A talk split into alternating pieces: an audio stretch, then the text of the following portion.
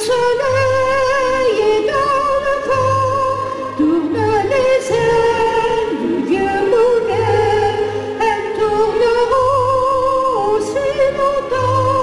zijn hier op een concert in het cultuurcentrum in Mechelen.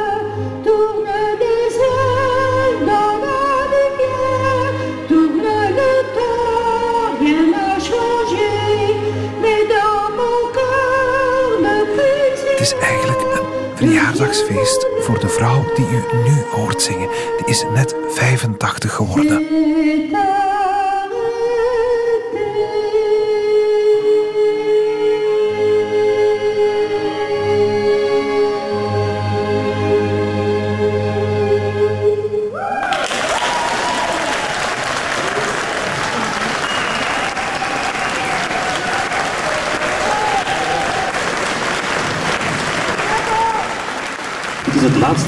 Deze viering van Lilian Stijnen voor haar 85ste verjaardag.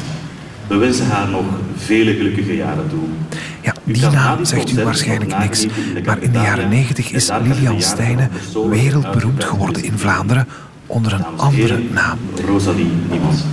En van geef nu toe, Rosalie Niemand. Eh. Een betere naam ga je niet vinden voor onze podcast, hè. Iemand. Iemand. Iemand. Iemand. Wil jij eens iemand zijn? Iemand. Iemand. Iemand. Iemand. Iemand. Iemand. Iemand. Iemand. Lilian. Niemand. Een iemand van Philip Heijmans. Nu, het hallucinante verhaal van Rosalie Niemand is sowieso de moeite waard. Misschien kent u het wel al. Het is jarenlang verplichte literatuur geweest in veel scholen. Ik kan zeggen, het boek heeft mij heel veel... Ik heb overal gaan spreken, ik heb gaan getuigen, ik heb heel, heel Vlaams gedaan, heel België, ik kan overal gaan spreken, spreekbeurten gaan doen. En dat boek, Rosalie Niemand, dat vertelt het onwaarschijnlijke, maar toch waar gebeurde verhaal van Lilian Stijnen. Het verhaal van een vrouw die bijna 50 jaar lang opgesloten zat, zonder goede reden. Maar ik heb spijtig dat, dat ik eh, zo'n leven gehad heb. Eigenlijk mijn leven, mijn jong leven is naar de knoppen. Hè. Bestond niet, hè. De buitenwereld wist niks van mij, hè. Ja, niemand. Het is verschrikkelijk. Ja, en eh, ik had er grote schrik. En toch gaf ik niet toe. Hè. Als ik wou nooit... Ik denk dat dat mijn redding geweest is. Had ik toegegeven, ik had, ik had nu hier niet gestaan. Nu is Lilian een sociale, vlotte vrouw die in verschillende koren en muziekgroepen zit. Want ook muziek is een redding voor haar geweest. Ik heb een orgel dat, dat heel veel kost, met twee dingen, met pedalen en alles. Dan heb ik twee mando drie mandolins. Een mandola, een mandoline en een mandoline met versterking. Twee gitaren. Ik heb veel, veel dingen van, van instrumenten. Een ukulele heb ik ook. Een blokfluit, zo van alles. En mijn viool, hè. mijn viool is een heel goeie. Haar leven hangt nu aan één van de muziek en van haar vele, vele vrienden. Ik heb altijd vrienden gehad. En ik heb dat nu nog, hè. Overal waar dat ik in zit. Ik heb nu een vrouw, hè. Die met mij mandoline speelt. En die zegt zo tegen mij... Ik zei mijn moeder heel vroeg kwijt. En na met mijn 80 jaar zei... Wilde jij mijn moeder zijn? Ja, maar dat zijn dingen dat je niet vergeet. En dat had ze nooit kunnen denken, 85 jaar geleden. Ik ben in 32 geboren, de 28 oktober in 32. Mijn moeder heeft in de Morsebiet gewerkt. Hij was striptease-danseres.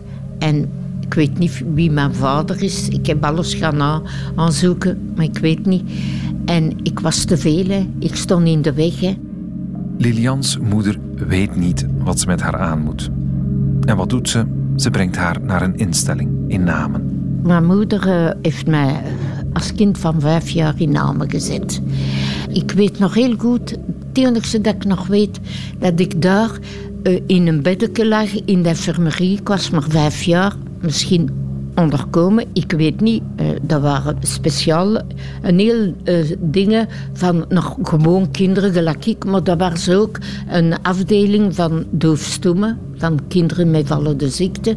En ik was op de beste en ik heb in Namen geweest tot, tot eh, mijn 10, 11 jaar. En ik weet nog heel goed, dat zal ik nooit vergeten. Ik was in dat jaar zeven jaar en het was in de maand mei. En die nonnekes, die zeiden zo, het is oorlog. En ik wist wel, verstonden dat niet. C'est la guerre in het Frans. Maar dan weer dat school gesloten omwille van de bombardementen. Is mijn moeder mij moeten komen halen, want ik kwam mij nooit bezoeken. En dan is ze mij komen halen en dan ben ik uh, uh, bij Jur thuis geweest, maar ik mocht niet bewegen bij Jur. Ik moest in een zetel zitten. ik mocht van de zetel niet naar de venster. Hè. En als ik op straat mee ging, dan zei ze... Gros paysan, zegt ze in het Frans. Want dat was een vrouw. Uh, trekt u een buik in. En zo altijd, altijd nooit niet lief. Hè. En mijn moeder riep altijd... Ik heb die nooit zien lachen. Hè. Nooit, nooit. Of daar een kus van gekregen. Nooit. Dat zijn dingen dat je niet vergeet als je kind bent. En uh, dan wou ze mij niet thuishouden en heeft ze mij bij mijn grootouders gebracht. En daar ben ik heel, heel gelukkig geweest. Een goeie, kan een jaar, een half jaar. Ik kan niet zeggen juist hoeveel. Heel even heeft ze hoop dat ze er mag blijven. Ja, één tante, die de jongste, had vier, vijf kinderen en die wou mij hebben. Mama en moeder wou niet. En school begon dan terug en dan moest ik terug naar Namen. En dan weer ik een lastig kind, want ik had daar heel gelukkig geweest in, in Limburg. En intussen heeft Lilians moeder een nieuwe vriend. Maar die mens, Paul, was een hele brave mens, want ik heb die gekend. Als, als mijn moeder mij moest op vakantie, moest, moest ik bij Jurgen gaan. Hè. S'avonds ging zij uit en ik sliep alleen in de keuken. En, en dan heeft zij die man leren kennen, Paul. En dat was een hele brave man, want die had schrik van haar. En die moeder van Paul, dat waren rijke mensen. Die mochten niet weten dat ik een voorkind was. Hè. Lilian gaat nog minder betekenen voor haar moeder. En de herinnering aan die gelukkige maanden in Limburg, die blijft knagen. Mijn grootouders zagen mij graag. En mijn moeder heeft mij terugkomen halen en uh, uh, naar Namen gedaan. En in Namen werd ik dan een lastig kind en ik zijn daar niet mogen blijven. Hebben ze mij naar Duffel gedaan. Mijn moeder is mij komen halen. Ene nacht thuis gebleven en dan direct naar Duffel gedaan. Ik wist niet wat ik was, wat ik tegenkwam. En daar, in Duffel, wordt Lilian, elf jaar oud, in een psychiatrische instelling gestopt. Dat was een psychiatrie. En ik mocht bij achterlijke kinderen naar school gaan, maar ik moest s'avonds en smiddags bij de zieken, de zottekes namen, want de kinderen, de, de zottekes wonen rechtover. Hè. Ja, ze krijgt er dus wel les, maar ook dat gaat met veel moeite. Want ik was daar op een Vlaamse school, maar ik kan niet lezen of niet leren, omdat ik een Franstalige was. Hè. En uh, uh, ja, als ik dan in school iets misdeed, dan werd ik ook altijd uh, uitgemaakt door de kinderen. En als, ze, als ik met een kind ruzie had of dan zei ze, zwijgt hij wat jij woont bij de zottekes. En ik liet dat niet doen, hè. ik vocht. ik was wel een opstandig als ik kind was. Hè. En het is ook daar, in Duffel, dat Lilian haar moeder voor de laatste keer ziet. De laatste keer dat ze mij komen bezoeken heeft, is met mijn plichtcommune. Want ik was 13 jaar omwille van de oorlog. Heb ik laat mijn plichtcommune gedaan. Hè. En uh, dan is ze mij komen bezoeken op Lestas, via ze bekend uit is. Allemaal had, uh, had zijn, zijn familie. Ik zat alleen aan tafel. Zo met de, de familie van ander. Dat zijn dingen dat je niet vergeet. Dat doet nog ziel als je daarop denkt. En dan heeft ze tegen mij gezegd, kom je nooit meer bezoeken. Ze heeft dat gedaan. Kort daarna is het ook gedaan met naar school gaan voor Lilian. Uh, na mijn plichte commune zijn ik terug bij de zieken uh, moeten gaan omdat er een non was die een kind geslagen had en dat was een kind dat niet groeide. En die had die uiteengeschud en die armetjes gingen, gingen uiteen. En ik had voor dat kind uh, gezegd, je zet een bandiet. En daarmee moest ik terug bij de zieke. Lilian is een opstandig kind, vinden de nonnen. Een gevaarlijk kind zelfs. En dus laten ze haar colloceren. Rond 14 jaar waren nonnen uh, die mij op een, een, afdeling gezet met gevaarlijke mensen. Mensen die, die... Ik was een psychopaat. Ik heb nooit niks, niks misdaan. Ik was een grote psychopaat. Op mijn rapport was daar geschreven dat ik een gevaarlijk was voor de maatschappij. Naar school gaan, dat is niet meer nodig. Lilian moet zich alleen nog bezighouden met handwerk. Kantklossen, kantklossen. Ik kan u laten zien wat ik ontworpen heb. Dat heb ik allemaal zelf, zelf getekend en dan gemaakt. Ja. Zie, dat is zelf ontworpen. Met een vlinder. Ja. Allemaal zelf gemaakt. Wat, ik moest altijd voor de, de commune kleren, voor de pastoors, voor de, de bisdom, die kleren van de kerken, die mouwen. Zelf verkochten hè. bisdom. Hè. Heel mijn leven gewerkt voor niet. Af en toe komt er wel inspectie langs in de instelling. Maar veel helpt dat niet. Ja, maar dan konden niks zeggen. Hè. Die nonnen gingen mee. Hè. Die, die, die, inspecteur kwam. Ik heb wel, uh, als ik uh, in het begin was, in, in, is er een inspecteur geweest van, van Rijksansaar. En die heeft mij buiten gehaald. Dankzij die ene inspecteur kan Lilian verhuizen naar Rixensaar. Ze wordt er hulpje in een vakantieverblijf voor kinderen. Dat was uh, plezant. Dat was een stad van, uh, van de stad van Brussel. En ik mocht voor de kinderen instaan. Hè. En ik was daar heel graag zo. En de kinderen, uh, ik moest morgens met de kinderen uit bed wassen en zo. En met een, een monitrice vandaar. Hè. En ik mocht daar bij die madame kantoorkussen. Ik mocht leren naaien. En ze waren een beetje jaloers op mij. Omdat ik anders zullen ook gezien hebben dat, dat ik bekwaam was voor En voor het eerst in haar leven krijgt ze ook de kans om met andere meisjes naar de film te gaan. En daar heb ik, uh, als ik uh, met mijn vriend, met dingen, ze zagen dat, ik was altijd graag schoon, schoon gekleed zo. Hè. Ik heb altijd een heel vier geweest. En uh, ja, dan kwam ik naar de cinema en daar riepen de jongens, hallo baby, zo. Waren, ik was daar heel graag. Ja, en ik heb daar spijtig van dat ik daar niet, niet gebleven ben. Ja. Had ik na wat later gegaan, hè, dan had ik misschien niet zo opstandig, maar dat was juist 14, 15 jaar zo, die, die tijden, dat ik zo opstandig was. En uh, ja, er was een die altijd ruzie met mij. En we, we, ik heb toen eens gevochten met haar en ik mocht er niet meer blijven. Na die ruzie vliegt de opstandige tiener Lilian terug naar Duffel. Opnieuw een gelukkige periode die niet blijft duren. Ik was dan 16 jaar, de, de puberteit was ik ook een beetje zo opstandig. Als ze zei, uh, ik zat daar in de hoek stijnen zwijgen en ik, ik, ik deed, of, of ik bad niet mee. We moesten altijd die non die begon kruis. Wees je goed, Marianne? Die ging zo de. En als ze aan mijn tafel kwam, dan zei ze: Slijnen mee bidden. Ik zei geen nonna. ik zei geen nonna, waarom moet ik bidden? En zo maakt ze kennis met het arsenaal aan straffen dat de nonnen achter de hand hebben. Zoals het bad. Daar deze water in, warme water. Maar aan, aan de baders waren aken en daar werd een zeil opgetrokken en aakkop. Maar dan zitten heel de dag in datzelfde water in de winter. Ik heb daar bronchitis over gehouden. Om de vijf jaar moet ik me laten inspuiten, want ik heb heel zware bronchitis. Hè. En als, er een non die uw gezicht kon zien en die kwam binnen en je vroeg warme water, dan deze dat. Maar het meeste was het koud water, hè, tot s'avonds in de winter. Hè.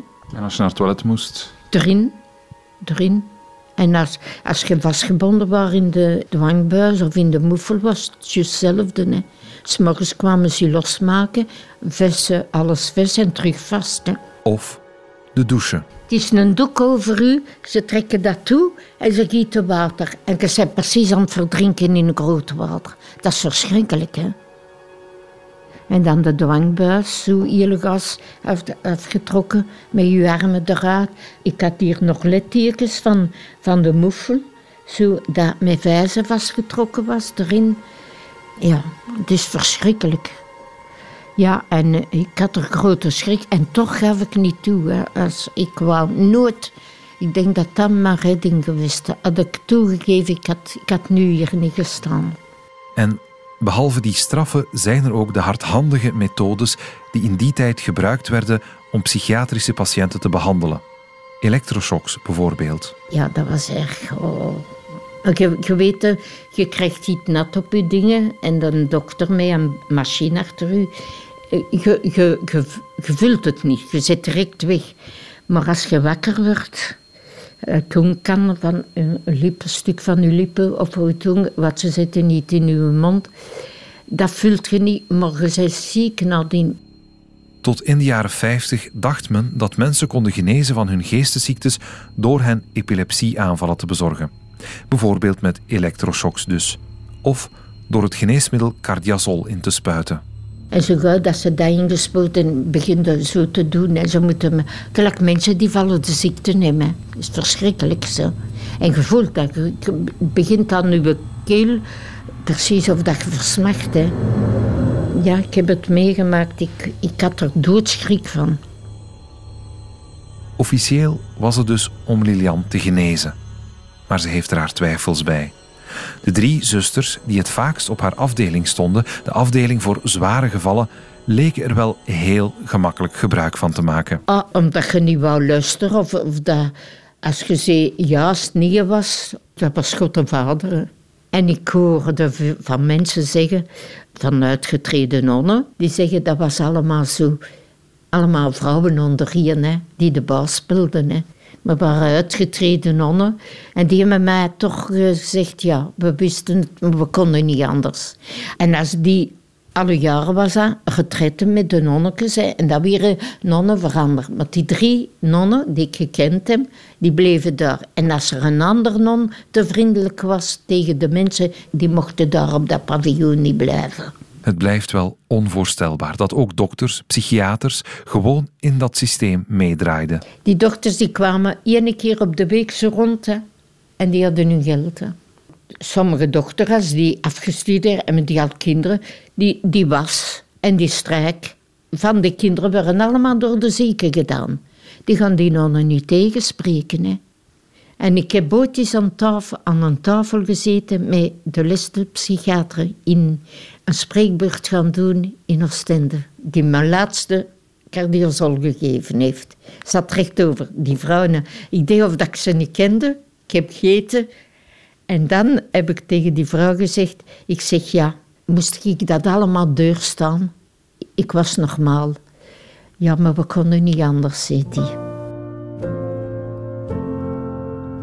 Eén keer, één keer waagt Lilian een ontsnappingspoging. Ja, ik heb dat dus één keer gedaan en ik ben met mijn borst in de pinnen gevallen.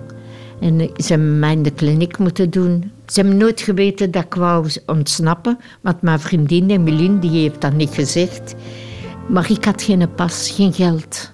Waar rennen? En als je ging lopen, de mensen van het dorp zagen, je waart anders gekleed. Hè? En dan gingen ze bellen en dan kregen ze een beloning omdat ze iemand zien lopen hadden. Dat was vroeger een groot put water, zo diep als de kerktoren van Duffel. En zijn veel mensen daar ingesprongen die niet meer wou leven. Hè. Ik heb zo'n twee gekend. Lilian legt er zich stilaan bij neer dat dit haar lot is. Als gezonde vrouw levenslang in de psychiatrie zitten. Ik ben negen maanden op een bed vastgelegen. Ik wou niet meer vragen voor op te staan. Ik ben op dat bed 21 jaar geworden. Omdat, ja, ik was gestraft omdat ik eh, niet wou weten. Ik moest alle morgen zoveel boterhammen eten en ik kreeg dat niet binnen. Ik moest alle 14 dagen op de bascule, want ik was te mager, zei ze. Ik was, ik was goed, maar ik mocht niet schoon zijn. Hè. En eh, als ik 100 grammen weerd, werd ik gestraft. En eh, ik ben in de kamer vast, vastgebonden geweest, met voeten, met een kantkussen op mijn bed, dat ik moest kan klossen. Ik heb daar 9 à 10 maanden, als het niet langer is, van, ik wou niet meer vragen voor op te staan. Ik zeg, voor mij hoeft het niet meer. En ik had een groot stuk kant gemaakt. En ik was zo kwaad, ik zeg, maar dat gaan ze niet krijgen. Ik heb dat in duizend stukken gesneden. Maar ik, kreeg, ik kon niet naar het wc, ik had een pan onder mijn bed. En ik heb dat in de pan heel gas. En s'morgens deed een non die pan weg en die had dat gezien. En uh, dan hebben ze mij cardiozol gegeven. En dan had ik zo'n schrik van dat ik wel gevraagd heb voor op te staan. De jaren 50 word je nog meerderjarig op je 21ste verjaardag. Veel meisjes kunnen dan de instelling verlaten. Maar voor Lilian maakt het geen verschil. Ik was gecolloqueerd en mijn moeder wou mij niet meer remmen. En de collocatie, dan moet uw familie of die u ingezet moet voor u tekenen. En mijn moeder wou niet. Ze heeft gelukkig wel vriendinnen in de instelling. Ik heb zoveel vrienden uh, gehad, wat die non zei. Ik verstand dat niet, dat jij zoveel vrienden hebt. En nu heb ik dat nog, hè, en ik doe er niks voor. En ze leert dus ook muziek maken. Uh, ja, in het begin uh, kreeg ik zo'n beetje muziek. en ik kon direct zingen en ik, ik was muzikaal aangelegd. En dan heb ik zo een banjo gekregen in mijn handen. En ik weet nog heel goed, mijn eerste liedje dat ik was... Easy hier de lichtjes van de schelde. Zo. En dan zit die non die mij niet kon verdragen. Oh, die kan dat niet, die is te stom. Die wou niet hebben dat, dat ik... Ik zeg, wacht. Ik had s'avonds al de noten geleerd onderin. En ik kom s'morgens en ik zeg, ik kan al de noten. En dan pakt ze dat briefje. En welke noot is dit? En ik kon die allemaal, ik heb muziek leren. En dan heb ik mandolin geleerd. Een jaar nadien gitaar. Blokfluit heb ik alleen geleerd. En dan eh, twee jaar nadien viool. Omdat ik heel goed juist zong. Maar ik had al een heel goede vrouw die goed piano kon. En ik ging met Jeur aan de piano en ik speelde mijn les zo. En die zei, je moet dat zo doen. Maar ik heb veel op, uit mijn eigen moeten leren. Maar ik zat in een kamer opgesloten, smiddags, met bandjes van de radio en zo op het gehoor. En zo gaat ze ook optreden met een muziekgroepje in kloosters en rusthuizen. Uh, maar ook altijd in bejaarden. In, er was een grote zaal, een kantine in, in die klooster. En dan moesten we uh, muziek spelen. Hè. En uh, elke keer, alle jaren moesten we zo'n optreden doen. En elke keer, als er een Frans liedje was uitgekomen, moest ik het alleen zingen. Omdat ik. On a tous un bar, arbre, une rue, van Anna Mouskouri, van Anne-Marie David, uh, waar tu verras, tu te. En dan het eerste was Il y aura cent mille chansons van Frida Boccara. Il y aura cent mille chansons quand viendra le temps des cent mille saisons. En ik kreeg veel applaus van de mensen. Intussen veranderen de tijden toch, ook in de psychiatrie. De zusters blijven de baas, maar in de jaren 70 komen er ook andere personeelsleden. Lilian is dan al 40. En dan zag ik zo de psychiatrie veranderd. Personeel binnenkomen van... van eh, en het weer beter. Maar dat bleef nog in die familie, want dat was in het begin allemaal familie van die nonnetjes die daar... En dan, eh, als het personeel binnengekomen, kregen we 1 frank per uur. En dan hadden we wat geld en dan mochten we buiten met personeel, hè, met familie van die nonnen, tot vijf uur en dan terug binnen. Ze krijgt ook voor het eerst haar eigen identiteitskaart in handen. Ik wist wel dat ik in, in oktober geboren was in die ma, maar ik wist niet de juiste datum. En dan weet ik juist een datum en zo. Ik zeg, nu, nu ben ik toch iemand. Eh, wat, daarvoor was ik niemand. Hè. Daarmee is de, de, de boek ook niemand. Hè. En dan gaat het steeds sneller. Ze verhuist van een slaapzaal naar een tweepersoonskamer. Ik heb op een slaapzaal geslapen totdat ik in, in de 40 jaar. En dan is er een nieuw, een nieuw stuk aan het bouwen. En dat was dan een kamer met twee. Want dan kreeg je een heel zwaar zieke bij je. En jij. En dan kon je met die mensen niks doen. Je kon met die mensen niet praten. Die begon dan in de eigen te lachen of, of te praten. Of anders iemand die niks zegde. Want ik, ik was dikwijls kwaad. Dat ik zeg, wat zetten ze nou bij? Twee goeie mochten nooit bij hier. Hè. En Lilian mag als veertiger zelfs voor het eerst op reis gaan. De eerste keer ben ik naar Lucht geweest met een non die in de psychiatrie wel, uh, was, maar niet in dat paviljoen. En uh, die bracht met Sinterklaas of met kerstmis chocolade en zo, hè, maar ze wist dat ik nooit geen bezoek had. En dan zei oh, ze zouden niet graag mee naar Lucht gaan. Ik zeg, ja, moet je niet voor nog te gaan, hè. Het is voor buiten te zijn, want dat bidden, dat was niks voor mij. En ik zeg ja. En daarmee ben ik met hier naar Lucht gegaan als zieke. En dan was er iemand van, van, uh, die daar uh, ziekenzorg deed. En dat was iemand van de mutualiteit, die werkte op de mutualiteit van Leuven. Die is dan beginnen met mij vriendelijk te zijn. En, uh, maar ik durfde er niet tegen praten. Hè. En dan zei, heeft hij mij aangetrokken. Maar na acht dagen moest ik dan terug naar Duffel. En dan is die vrouw mij blijven contacteren. Ik kom me bezoeken. En die is heel goed voor mij geweest. En ik mocht die een dag bij Jur slapen. Ik had nooit vergeten. Ik schreeuwde toen.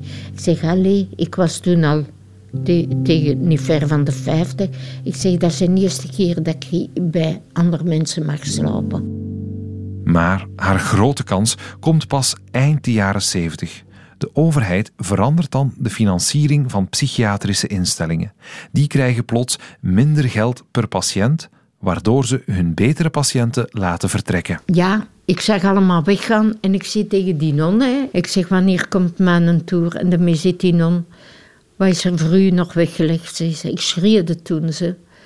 En... Uh, dan heb ik gezegd, ik moet toch iets doen voor... En ik heb dan van alles gedaan, brieven geschreven en dan uh, doorgestuurd. Hè. En dan op een keer uh, zijn ik toch weggemogen. En dan zei ze, je mocht weg, maar in een revalidatie. Ik zeg, oh, nog hetzelfde dochterke. Uh, ja, als ik dan... Ik moest in een beschutte plaats gaan werken. En ja dan zit die monitrice gezet goed voor hier te blijven. Probeert dan, zeg maar, zeg tegen de, tegen de directeur, dan krijg ik ander werk. Niet zegt ze, want dan zijn ze goede werkkracht kwijt. Hè. En dan heb ik de adres gaan zoeken van die psychiater die mij in Duffel behandelde. Ik ben erin gegaan op s'avonds. En uh, ik zei, ik ontvang u hier niet, zegt hem, maar je bent geboekt in Duffel en je gaat terug. Ik ga terug. En de non staat voor de deur.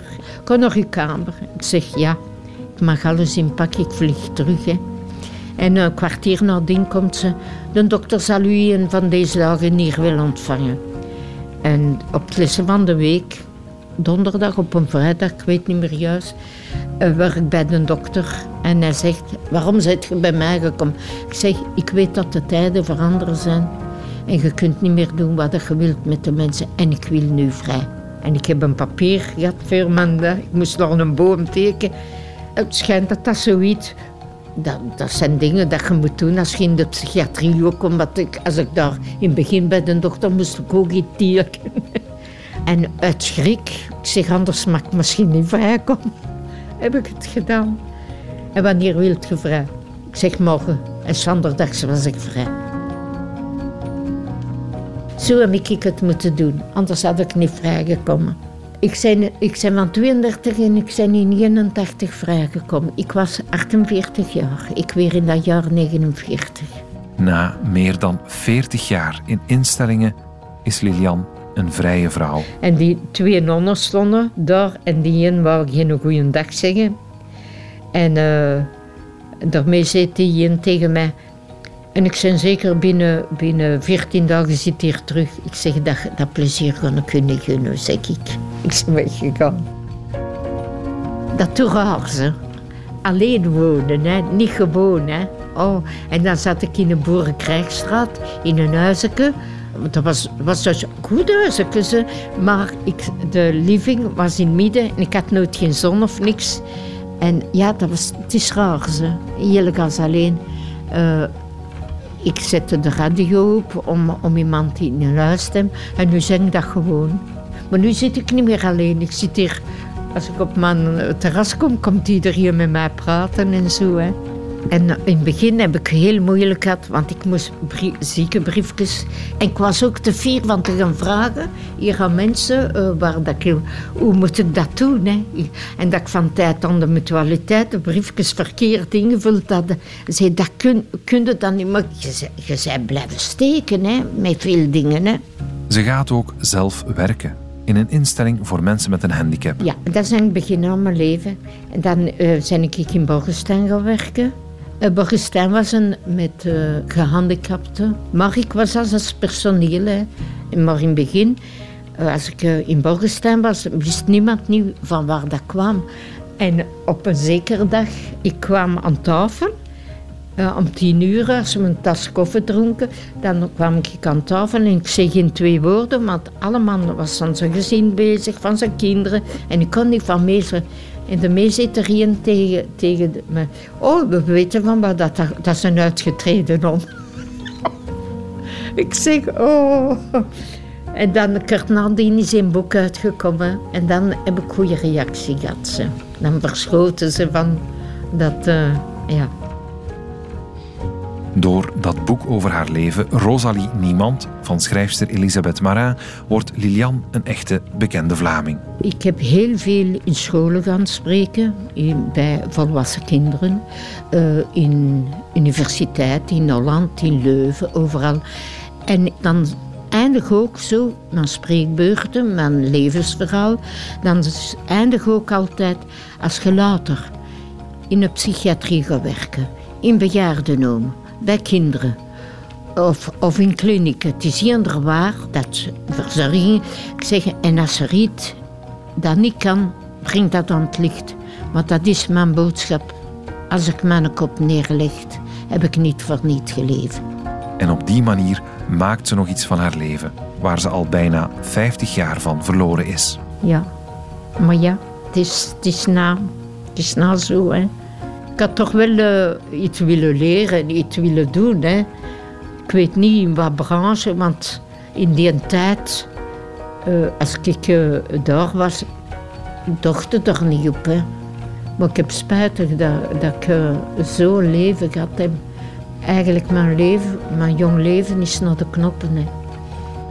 Ze gaat zelfs nog even op zoek naar een partner met een advertentie in de krant. Ik heb uh, door kranten, door kerk en leven, had ik, en ik kreeg dan iemand, uh, de meeste mijn vriendin, niet bij u thuis, hè?